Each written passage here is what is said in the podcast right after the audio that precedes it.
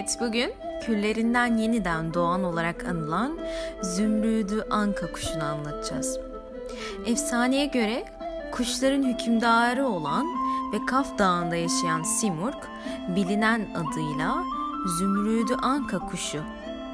Pers mitolojisinde ortaya çıkan ve zaman içerisinde doğudaki hikaye ve efsanelerde yer almaya başlayan bir kuştur.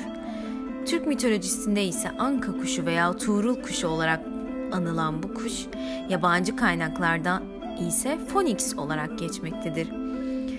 Adını sıkça duyduğumuz birçok kültürde yer edinmiş efsanevi kuş, zümrüdü anka kuşu popüler kültürde. Yandıktan sonra küllerinden yeniden doğması ile bilinir. Efsanelere göre zümrüdü anka kuşu Kaf Dağı'nın tepesinde bilge ağacında direkleri abonoz, sandal ve öd ağacından yapılmış köşk benzeri bir yuvada yaşarmış. Her şeyi bilirmiş ve bu yüzden kuşlar ona ne danışırlarsa çözüme kavuşturacağına inanırlarmış.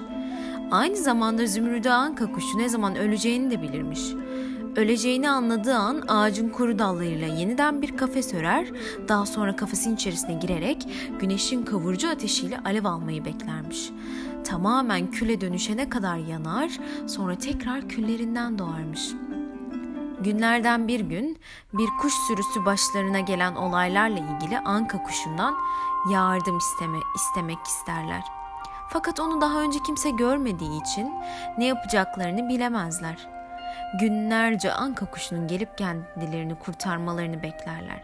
Tam pes etmek üzereyken ülkenin birinde anka kuşunun kanadından bir tüy bulurlar. Hep birlikte Kaf zirvelerine giderek anka kuşu anka kuşunu bulmayı planlarlar. Ancak yolculuk onlar için zorlu bir süreç olacaktı. Çünkü dağa ulaşmak için yedi vadiden geçmeleri gerekiyordu. Kuşlar hep birlikte göğe doğru uçmaya başlamışlar.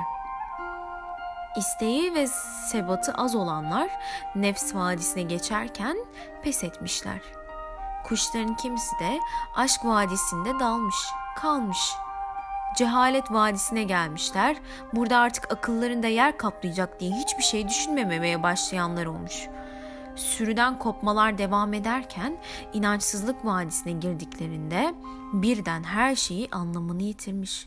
Simurg'u bulmanın hiçbir şeyi değiştirmeyeceği inancına kapılanlar olmuş ve dönmüşler. Yalnızlık vadisinde geldiklerinde ise kuşlardan bazıları o vadiye sadece kendileri ulaşmış, ulaşmış gibi bir hisse kapılmışlardı. Bu vadiden de geldiklerinde ise vadiden fısıltı sesleri yükselmiş.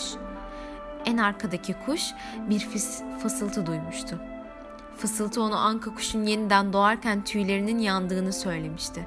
Hemen bunu bir öndekine aktarmıştı. Bir diğeri tüyleri olmadığı için hırçınlaştığını, herkese saldırdığını söylemişti.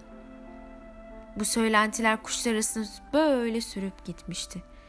İnananlar kalmış, inan inanamayanlar yollarına devam etmişlerdi. Bütün kuşların ben vadisine girer mi girmez içlerinde değişik bir his uyanır. Kimi diğer kuşun kanadını eleştirmeye başlar, bir diğeri her şeyi bildiğini iddia eder. Hepsi en önde lider olmak ister, öne geçmek için birbirlerini ezip dururlar.'' Ta ki vadiden çıkana, çıkana, benden uzaklaşana dek nihayet vadiden Kaf Dağı'na vardıklarında dünyadaki bütün kuşlardan geriye sadece 30 tanesi kalır. O anda Zümrüdü Anka kuşunun 30 demek olduğunu öğrenirler. Kalan kuşların hepsi Simurg'tur. Kurtarıcı, bilge, mükemmel kuş. Bu vadiyi geçen kuşların tamamıdır. 30 kuş anlar ki arad- aradaki aradıkları kendileridir ve gerçek yolculuk kendine yapılan yolculuktur.''